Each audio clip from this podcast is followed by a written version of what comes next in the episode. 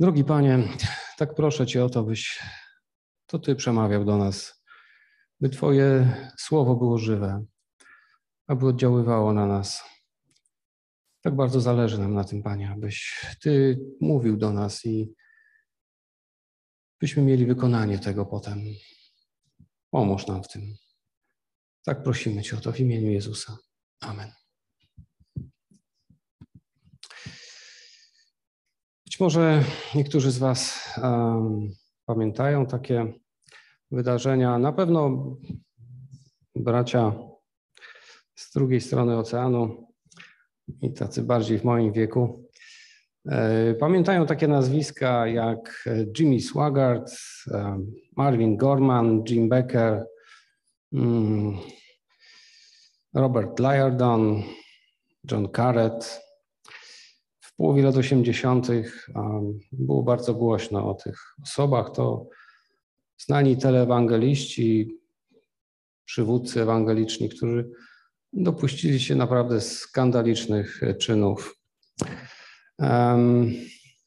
Dość powiedzieć, że potem w 2009 roku republikański senator Chuck Grassley uruchomił oficjalne śledztwo w sprawie finansów z kolei, bo tam chodziło o bardziej o sprawy moralności, czy też niemoralności, tak?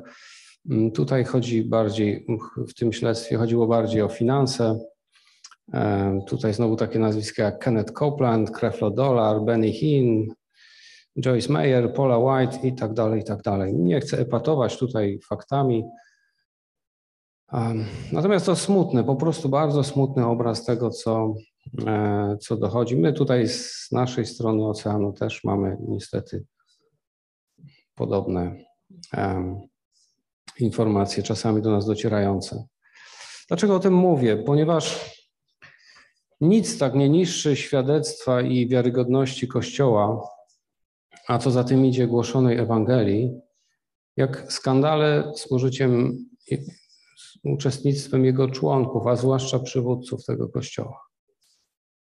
E, przeciwnicy Chrystusa z taką lubością wyciągają takie informacje, odpowiednio je nagłaśniają, no i robią z tego potężną broń. Oczywiście w żaden sposób to nie usprawiedliwia tamtych czynów, ale musimy być świadomi, jak bardzo jesteśmy obserwowani. Ale myliłby się ktoś, sądząc, że przeciwnicy chrześcijaństwa wykorzystują jedynie fakty. Jeżeli są, to oczywiście wykorzystują skrupulatnie, ale jeśli nie ma tych faktów, to chętnie je zmyślają i, i wymyślają różne kłamstwa. E, wystarczy sięgnąć do Biblii. Kiedy Chrystus zmartwychwstał, co zrobili arcykapłani? Zawołali tych żołnierzy i dali im pieniądze i powiedzieli, co mają mówić. Myśmy spali, Przyszli uczniowie, wykradli jego ciało. Nie ma żadnego zmartwychwstania, po prostu. Nieco później, w II wieku, e, pojawiła się in, pojawiło się inne straszne kłamstwo, jakoby pierwsza ciąża Marii była całkiem naturalna. My rozumiemy, jakie ogromne znaczenie dla nas, chrześcijan, ma fakt wcielenia Syna Bożego e, i narodzenie e, Chrystusa z dziewicy. Tymczasem um, ci przeciwnicy wmawiali ludziom, że prawdziwym ojcem Jezusa był niejaki Tyberiusz Juliusz Abdes Pantera, rzymski żołnierz pochodzenia fenickiego, łucznik i chorąży pierwszej kohorty Sagitatorium. Dużo na ten temat dowiadujemy się z, od Orygenesa, który e, napisał wielkie dzieło. Kiedyś próbowałem je czytać, jest dość obszerne i trudne, ale warto się czasem zagłębić. Przeciw Celsusowi napisał takie dzieło w II wieku. I co ciekawe, to nie było tylko pomiędzy nimi, to było szeroko znane. I na przykład znalazło też odzwierciedlenie w źródłach żydowskich. Potem w Tosefcie, jednym ze zbiorów żydowskiego prawa zwyczajowego, pojawia się postać nazywana Jeszu ben Pandera zbliżone tak, do Jeszua, syn Pandery. Teraz e, wchodzimy w kontekst naszych rozważań odnośnie listu pierwszego do Tesaloniczan. Dlatego taki wstęp, ponieważ przeciwko apostołowi Pawłowi i Sylasowi, którzy zakładali kościół w Tesalonice, wytoczono też bardzo ciężkie działa. Pomówiono ich o wiele nieprawdziwych rzeczy. I teraz w drugim rozdziale Paweł zaczyna e, te fakty wyjawiać, przywoływać i bronić się. I przyjrzyjmy się kilku takim e, zarzutom. Już omówiliśmy pierwszy rozdział, gdzie apostoł Paweł przypomniał krótko swoją wizytę w tym mieście, kiedy, kiedy głosił Ewangelię, założył lokalny kościół, napisał, jak wspaniały owoc ta służba wydała w życiu nawróconych Tesaloniczan. Także nawet bez jego udziału wszędzie, w całej okolicy rozgłaszano, jakie tam miał wspaniałe przyjęcie, jaki, jaki dobry owoc jego służba przyniosła. Teraz przeczytamy tekst, który dziś chcemy rozważyć. To jest pierwsze sześć wersetów drugiego rozdziału. I jeżeli macie swoje Biblię, to otwórzcie na tym fragmencie. Ja będę czytał z przykładu dosłownego.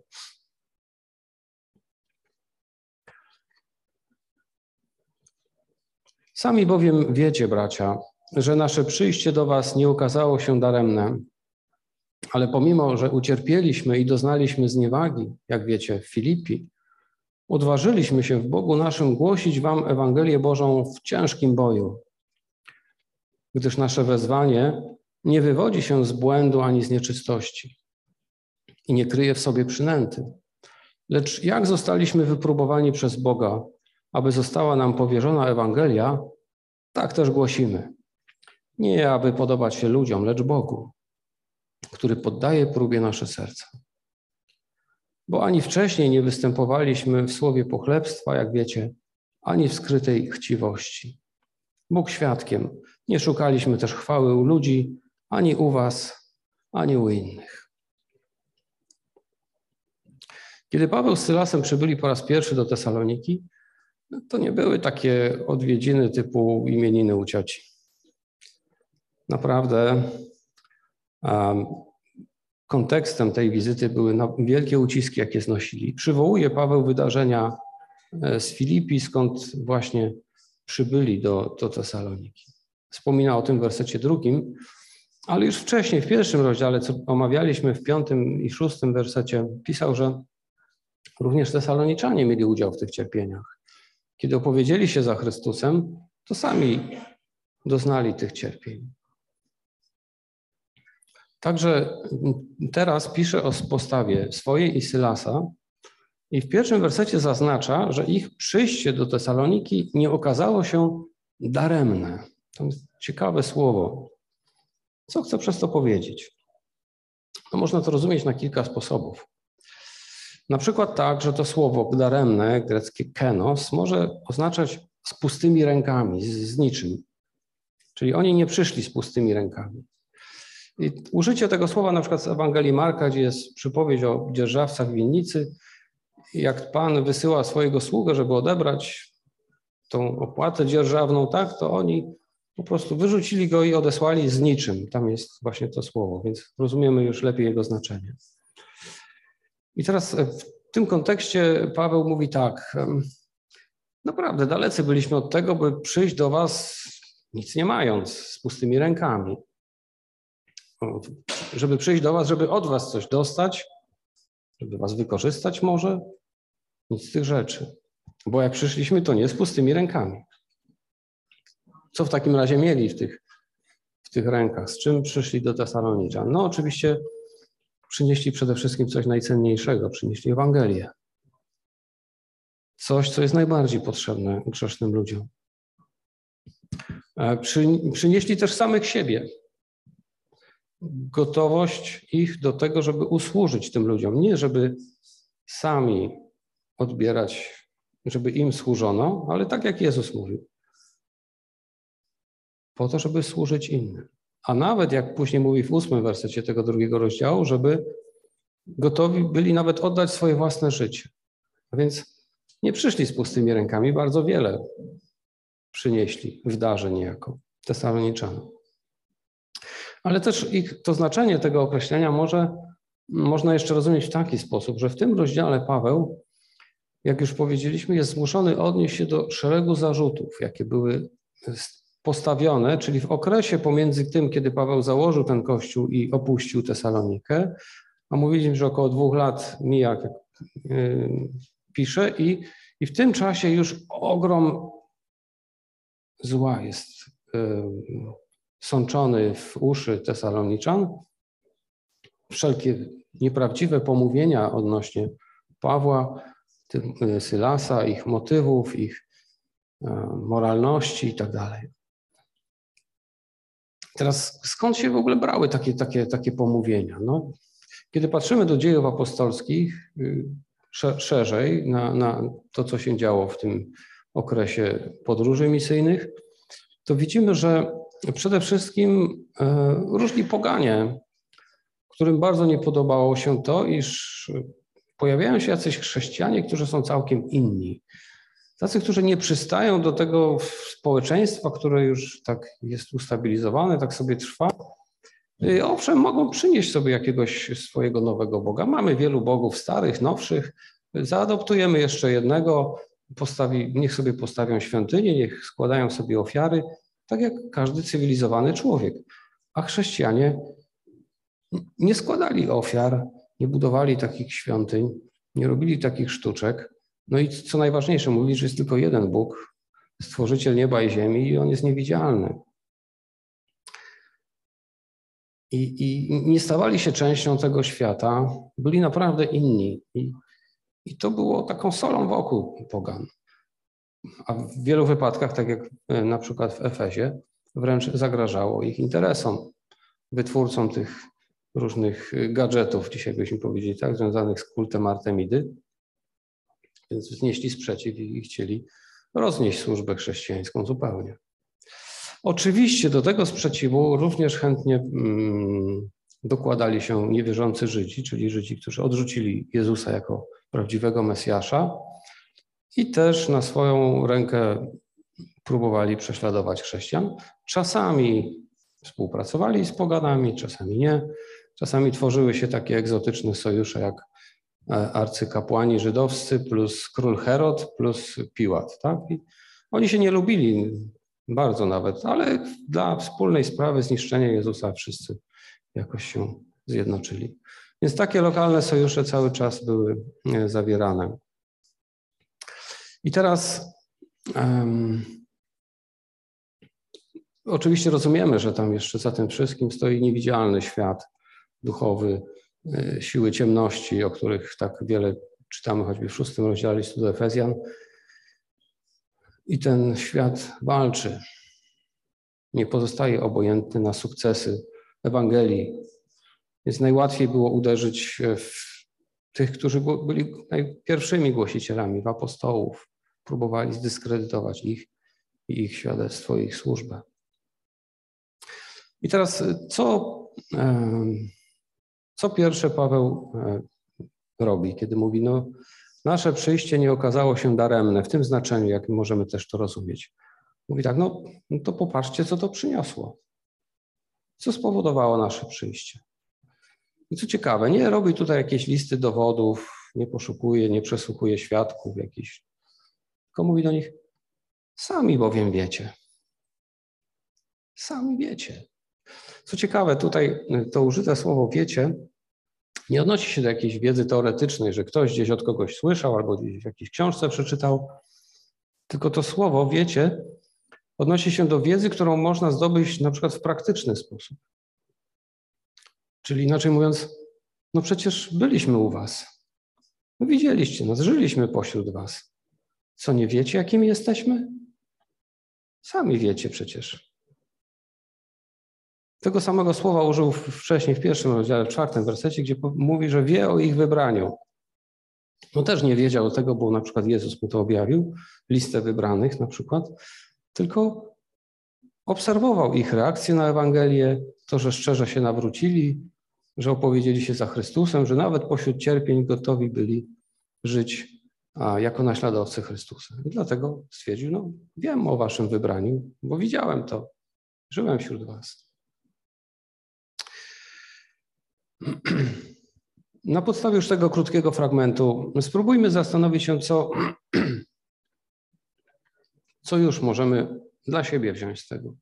Jakie praktyczne zastosowanie? Co o nas mówi nasze życie? Bo wyznanie, jakie składamy ustami, jest oczywiście bardzo ważne. Ale jeszcze ważniejsze jest, a właściwie decydujące, jest wyznanie wiary poparte życiem zgodnym z tym wyznaniem. Bo inaczej są to tylko słowa. I przykład. Co byście powiedzieli, gdyby ktoś z zewnątrz zaczął pomału sączyć jakieś oskarżenia? Jakieś telefony, jakieś maile wysyłać i zaczął atakować niektóre osoby ze zboru. Na przykład, naj, najłatwiej oczywiście, zawsze pierwszym celem ataku są przywódcy. No, na przykład o naszych pastorach, gdyby ktoś jakieś rzeczy zaczął rozpowiadać. Czy wprawiłoby to Was w zakłopotanie? Myślelibyście, hmm, może oni mają rację. Może oni są zwodzicielami. Tutaj mówię o tych, co jakby o co pomawiano apostoła Pawła, nie? więc jakby może są zwodzicielami, może prowadzą nas dla niegodziwego zysku, a może są nieczyści, niemoralni. A może, i mam nadzieję, że tak byście zareagowali, powiedzielibyście tym oskarżycielom, a co wy za głupoty opowiadacie? Przecież my ich znamy. Oni nie tylko nas uczą, mówią, ale tak żyją. My ich znamy od lat. No to, to jak? Wasze oskarżenia się nie, nie zgadzają. Albo macie jakieś dowody, albo zamilknijcie, bo nie będziemy was słuchać. Właśnie takiego zabiegu użył apostoł Paweł. Sami bowiem wiecie, jakimi byliśmy. Co spowodowała służba Pawła i Sylasa w Tesaloniczanach? Sam o tym pisał w pierwszym rozdziale. Odwrócili się od bożków do żywego Boga, by Jemu służyć. Stali się naśladowcami Pana, przyjęli słowo w wielkim ucisku. Z radością Ducha Świętego stali się wzorem dla wszystkich wierzących, jak pisał w tym pierwszym rozdziale. I to pośród różnych cierpień i zniewag. Sami wiecie. Popatrzcie też na siebie. Nasza służba, która miałaby rzekomo prowadzić was na manowce i wydaje tak wspaniały owoc, no to zupełnie nielogiczne. Powołuje się też Paweł na to, że kiedy tam przybyli, to, to stało się to właśnie pośród zniewag i, i tych cierpień. I odwołuje się wprost do tego, co działo się w Filipi, gdzie wcześniej przebywali, zanim dotarli do Saloniki. E, tam w XVI rozdziale dziejów apostolskich, drugiej części tego rozdziału są te wszystkie wydarzenia opisane. Nie będziemy ich teraz e, odczytywać. Tylko przywołam dwa krótkie fragmenty z 22 i 3 wiersza, gdzie jest mowa o tym, że kiedy zostali aresztowani zupełnie bezzasadnie, to, to przeciwnicy zdarli z nich szaty publicznie Niezależnie od tego, czy byli obywatelami rzymskimi, czy nie, a wiemy, że byli, zdarli te szaty, wychłostali ich. Jak powiedziano tutaj, zadali im wiele razów. To była ciężka chłosta, wiele razów. Nie tak kilka uderzeń dla przykładu. A potem wrzucono ich do więzienia, a stróż więzienny e, nie dał ich tak blisko wyjścia, bo sprawa jest niepewna. Nie? Wtrącił ich do wewnętrznego lochu i zakuł ich nogi w dyby. Tak czytamy wprost w dziejach apostolskich. Można sobie wyobrazić, co oznacza to ciężkie ubiczowanie, ten wewnętrzny loch, czyli brak światła, brak jakiegokolwiek świeżego powietrza i, i jeszcze nogi zakute w dyby. Jakie to były warunki. Potem po cudownym uwolnieniu przybywają do Tesaloniki. I mówię o tym, bo Paweł o tym wspomina. Jaki obraz mieli ich Tesaloniczanie, kiedy oni do nich przybyli? Czy przypominali dzisiejszych jakichś głosicieli tak zwanej Ewangelii Sukcesu? Nie ma Ewangelii Sukcesu, ale pseudoewangelii którzy latają własnymi odrzutowcami, jeżdżą jakimiś najnowszymi limuzynami, mieszkają w najdroższych hotelach, obwieszeni złotem. No, korzystają z tego, co inni im ofiarowują. A Paweł przybywa z Sylasem w tych pewnie w strzępach tych ubrań, które z nich zdarli, a na swoim ciele wciąż mają świeże rany po tych razach, które odnieśli w Tesalonice. To jeszcze wciąż było świeże. Czy tak wygląda ktoś, kto przychodzi w egoistycznych celach, kto chce wykorzystać? Śmieszne, prawda? Zobaczmy, jak Paweł doskonale broni się przed tymi absurdalnymi zarzutami. Dalej wspomina o ciężkim boju. Też tu używa takiego ciekawego słowa, e, tłumaczonego na bój, greckiego słowa agon, agonia, rozumiemy już lepiej. E, może to oznaczać bój, wielką trudność, ale jest też używane w zmaganiach na igrzyskach, w zawodach, kiedy jest mowa o ekstremalnym wysiłku, tak niezwykłej intensywności, że wręcz bliskiej śmierci czasami. I Paweł pisze, że coś takiego spotkało nas w Filipi. Zostaliśmy potraktowani tak z powodu głoszenia Ewangelii. I kolejny argument logiczny, który możemy wy, wywieźć jakby z tego jego rozumowania. Hmm, zakładając, że przyszliśmy po to, żeby was wykorzystać, żeby coś, nie wiem, złupić was troszkę, żeby sobie wygodnie pożyć waszym kosztem, to tam głosiliśmy to samo orędzie, co u was i tam potraktowali nas w taki sposób, jak sami widzieliście, że nas potraktowali, tak? Więc jeżeli jestem zwykłym zwodzicielem, o co mnie niektórzy pomawiają i, i chcę was wykorzystać, to znaczy, że to, co mówię, to jest tylko takim no, pretekstem do tego, żeby was wykorzystać. Więc jaki jest sens głosić u was to samo? Po co się narażać, że u was też zostanę w ten sposób potraktowany? Prawda? Czy nie lepiej troszkę zmodyfikować to, żeby nie narażać się na to, żeby, żeby mnie tutaj też ubiczowali? No, no.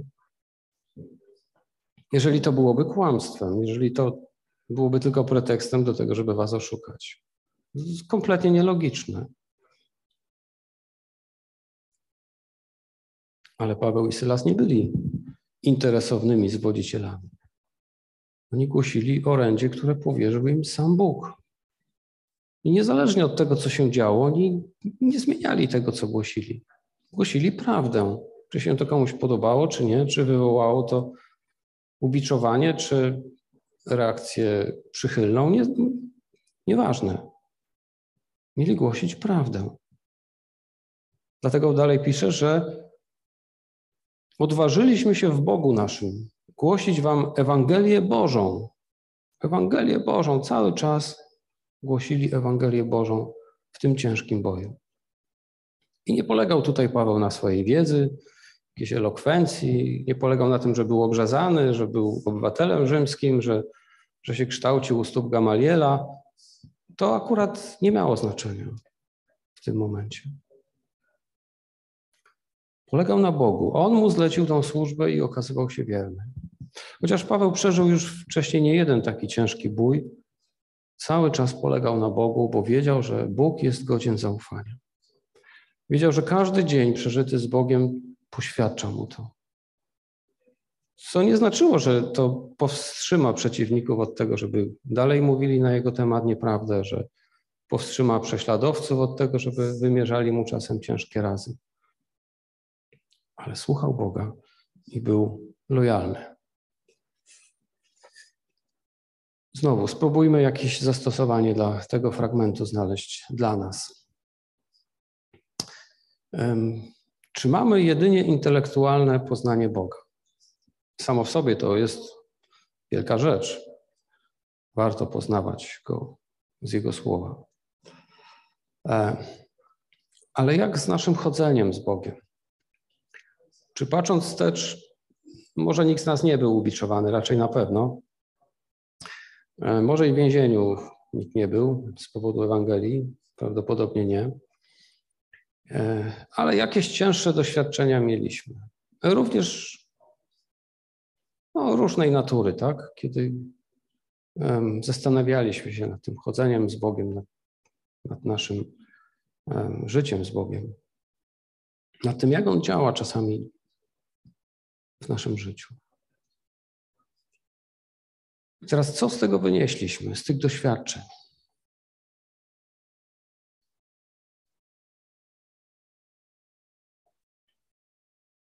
Czy dostrzegaliśmy Jego wsparcie? Bo ono na pewno było. Tylko czy je wychwyciliśmy? Bo jeśli tak, to On nas czegoś nauczył. Nauczył nas czegoś o nas samych i o Nim samym i o naszym wzajemnym chodzeniu razem.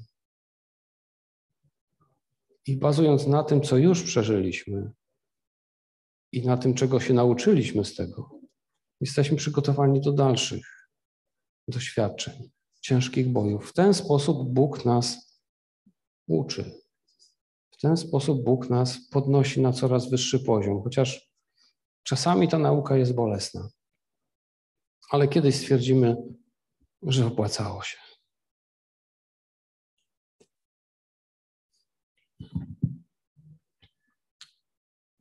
Jest to potrzebne, bo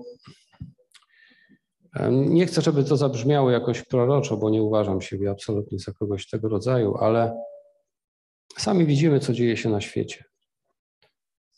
I jest wielce prawdopodobne, że dla nas, chrześcijan, zbierają się ciemne chmury w wielu miejscach, coraz bardziej na świecie. Budujmy się na naszej najświętszej wierze, jak mówi Pismo. Budujmy się wewnętrznie, aby kiedy przyjdą te doświadczenia, bo przyjdą takie czy inne, żebyśmy byli na nie gotowi, polegali zawsze na Bogu. Także kaznodzieje stoją wobec próby. Czy dalej głosić prostą Ewangelię, potrzebę pokuty, nawrócenia, wiary, uczynków potwierdzających naszą wiarę, czy może nieco zmiękczyć to przesłanie, dostosować do współczesności, niestety kosztem prawdy, usuwając drażliwość krzyża, zastępczej ofiary, potrzeby przebłagania, nauki o Bożym gniewie, o sądzie ostatecznym, o piekle, o potrzebie uświęcania się. Jest pokusa, żeby tych trudnych tematów czasem nie, nie poruszać. W liście drugim do Tymoteusza Paweł pisał, zaklinając go, żeby głosił słowo tak, jak należy. Że przyjdzie czas, kiedy nie, takiej zdrowej nauki nie ścierpią, ale nazbierają sobie nauczycieli i żądni będą tego, żeby ich uczyć tego, co ucho chce. I kaznodzieja stoi przed próbą, czy czy będzie próbował dostosowywać się czasami do niektórych wymagań niektórych słuchaczy, czy będzie głosił prosto tak, jak uczy Boże Słowo? Jest to poważna rzecz. Jakub ostrzega w swoim liście w trzecim rozdziale. Wiedzcie, że dla nas, nauczycieli, wyrok będzie surowszy. Będziemy rozliczeni z tego. A w innym miejscu z kolei apostoł Paweł pisze, to jest drugi list do Koryntian, czwarty rozdział, wersety pierwszy i drugi.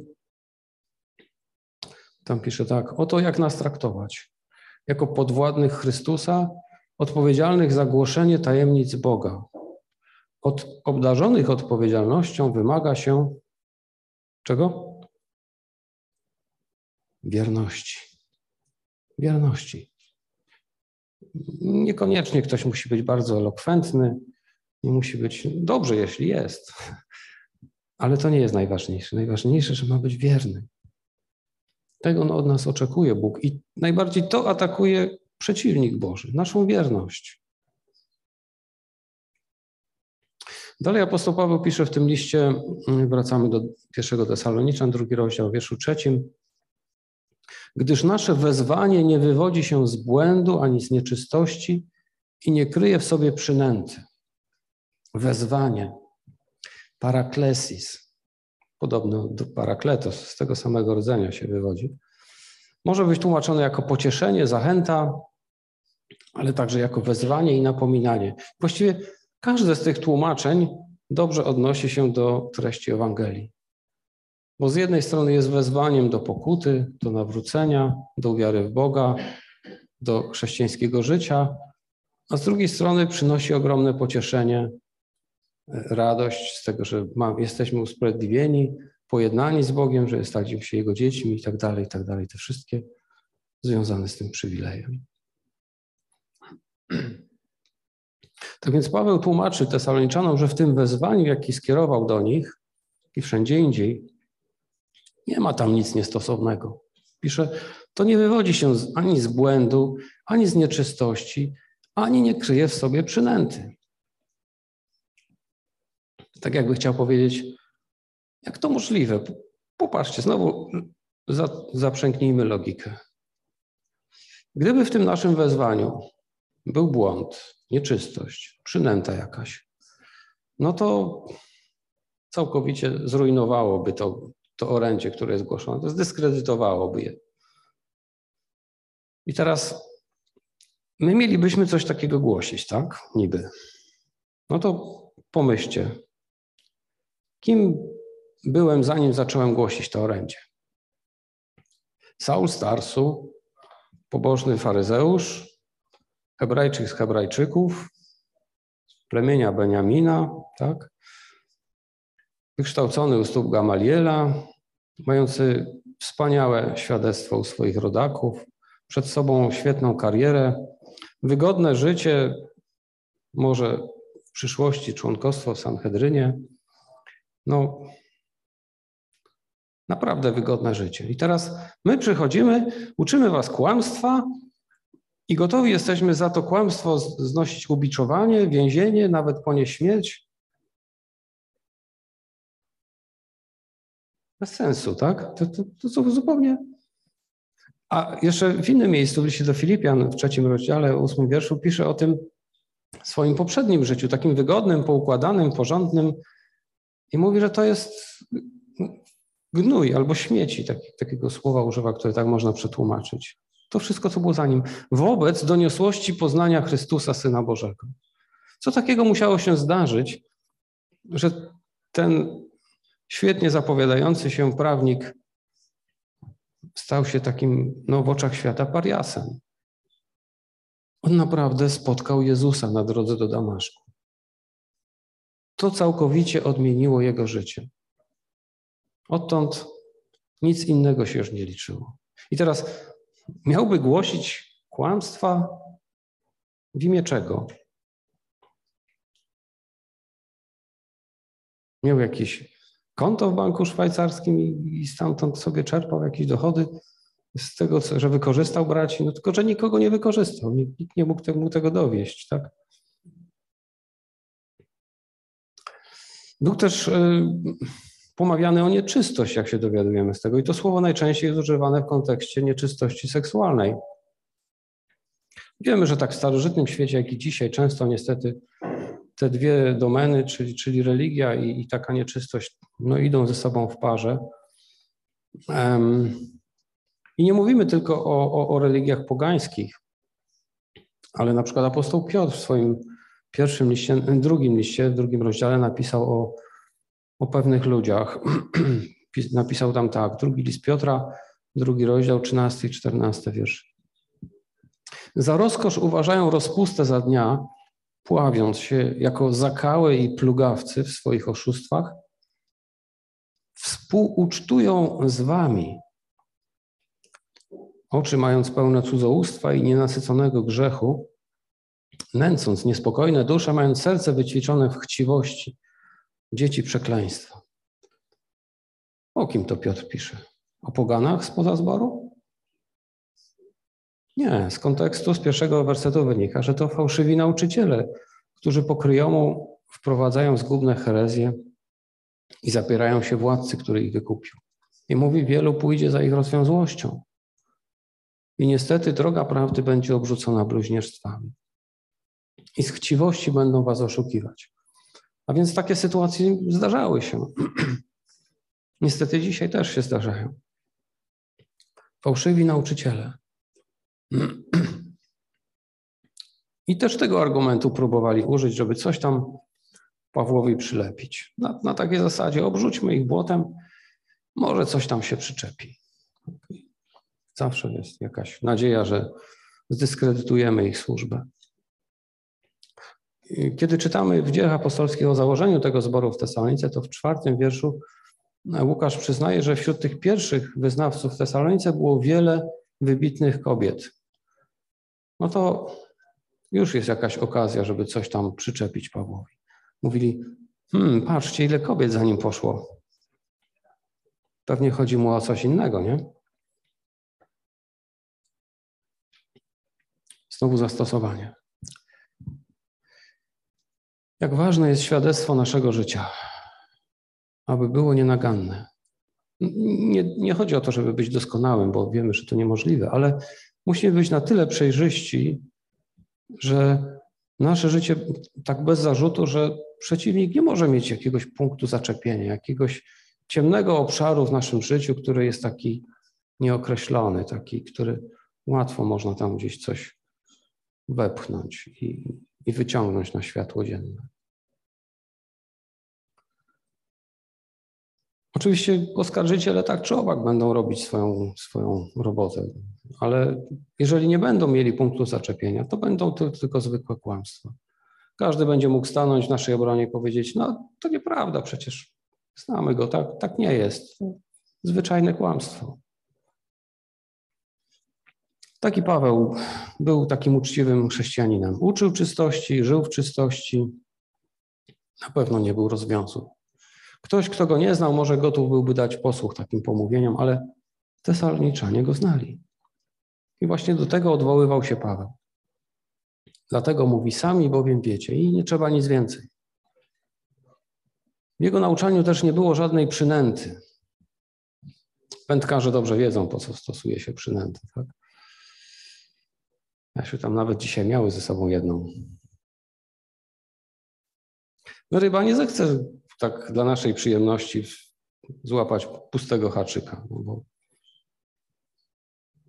Ale jeżeli tam widzi jakiegoś robaka, to czemu nie? A pod tym kryje się przynęta. I teraz um, apostoł nie potrzebował żadnej przynęty. Dlaczego? Ponieważ tam nie było żadnego haczyka. W tym jest właśnie rzecz. Nie potrzeba przynęty, bo nie ma haczyka.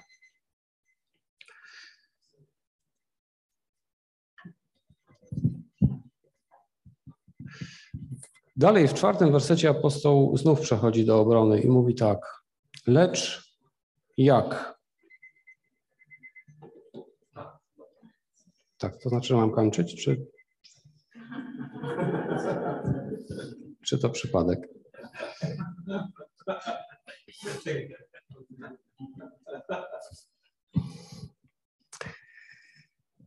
Lecz jak? E, przedstawia. Jego i Sylasa życie stanowi pełną zgodność z tym, co głosili. Mówimy o integralności. Tu używamy takiego słowa integralność czyjaś. Zostali wypróbowani przez Boga. Czyli zanim zostali wyznaczeni do tej służby, zostali wypróbowani, poddani jakiemuś praktycznemu testowi. Tego słowa używa się też w odniesieniu na przykład do próby szlachetnych metali, żeby sprawdzić, czy coś tylko wygląda jak złoto, srebro, czy jest nim naprawdę. Więc trzeba to poddać próbie. I takiej próbie zostali poddani apostołowie. Um, I tu jest czas przeszły, to już miało miejsce. Um, to było potrzebne, bo coś, co Bóg powierzył apostołom, było niezwykle cenne, właśnie Ewangelia. Przez to wypróbowanie chciał im coś pokazać, chciał ich czegoś nauczyć. Wynik tej próby oczywiście Bóg dobrze znał, nie musiał jej przeprowadzać, zna nasze serca, ale to potrzebne było im samym, żeby czegoś nauczyli się z tej próby. Tak jak Abraham nauczył się czegoś, kiedy Bóg poddał go próbie w związku z Izaakiem, tak i każdy z nas uczy się czegoś o sobie i o Bogu, kiedy zostajemy poddani różnym próbom. Bóg powierzył im Ewangelię o swoim Synu, o zbawieniu ludzi i musieli to być ludzie wypróbowani. I to niezwykły przywilej, który został powierzony. Ważne, żeby dostrzec to we właściwym świetle.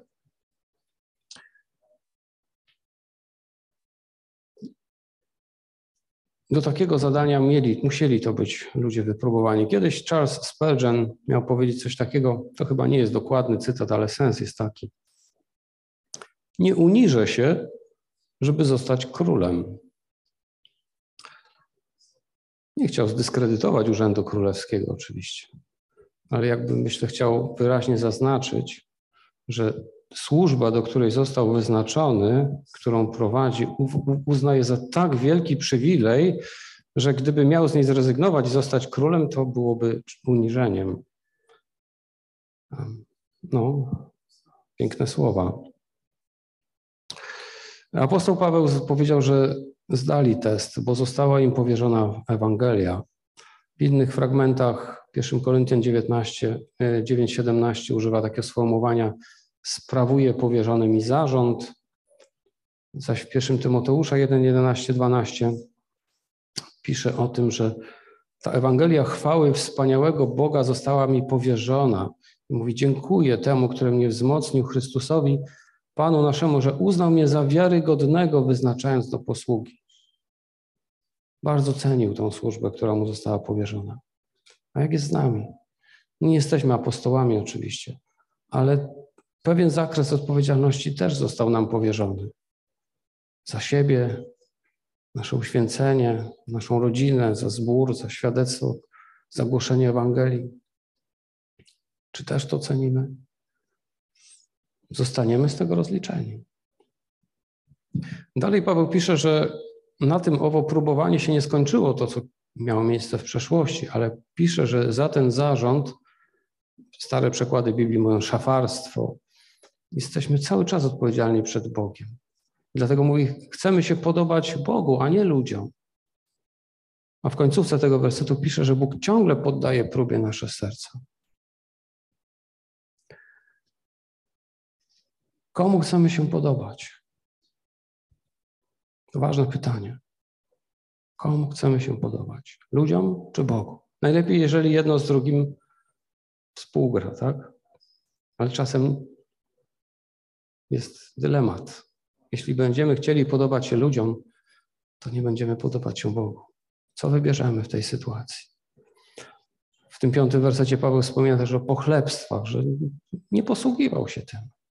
A w wersecie szóstym o nieszukaniu chwały u ludzi. Spora pokusa.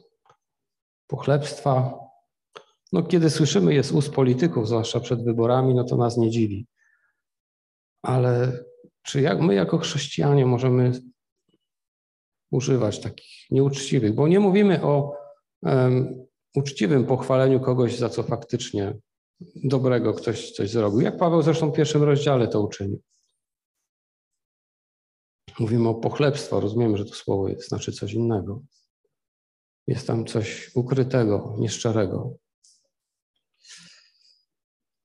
Niezależnie od tego, czy jest to jeden na jeden, jakieś rozmowy o Ewangelii, czy jest to głoszenie do dużej grupy ludzi, bez znaczenia.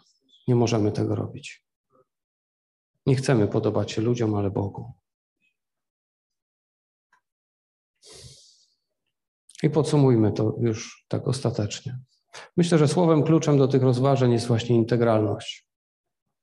Każdy z nas, dzień po dniu, czy sobie z tego zdajemy sprawę, czy nie, jest obserwowany przez aniołów, przez demony, przez złych ludzi, przeciwników, przez zwykłych ludzi, którzy niekoniecznie są naszymi przeciwnikami, ale nie są naszymi braćmi, i przez naszych braci. Szerokie spektrum. Przeciwnicy chcą nas dyskredytować. Jeśli znajdą jakiś ciemny punkt, na pewno go wykorzystają. Jeśli nie znajdą, będą wymyślać kłamstwa. Ale jeśli to tylko są kłamstwa, to nie musimy się tym przejmować. Pan Jezus w kazaniu na górze powiedział, jeśli będą was znieważać, prześladować, kłamliwie przypisywać wam wszelkie zło ze względu na mnie, to mówi, cieszcie się i weselcie. Wielka jest nagroda wasza w niebiosach. Nie przejmujmy się tym, co inni mówią, jeśli jest to nieprawdą. Czasami trzeba podjąć się obrony jak Paweł, bo, bo służyło to wyjaśnieniu pewnych rzeczy, zwłaszcza przed braćmi. Ale czasami nie trzeba, czasami wystarczy, że inni wiedzą, jak, jakim jesteśmy. Nie ma potrzeby. Tylko bądźmy integralni. To, w co wierzymy, to, co mówi Słowo Boże, niech będzie treścią naszego życia, a resztą się nie przejmujmy. Amen.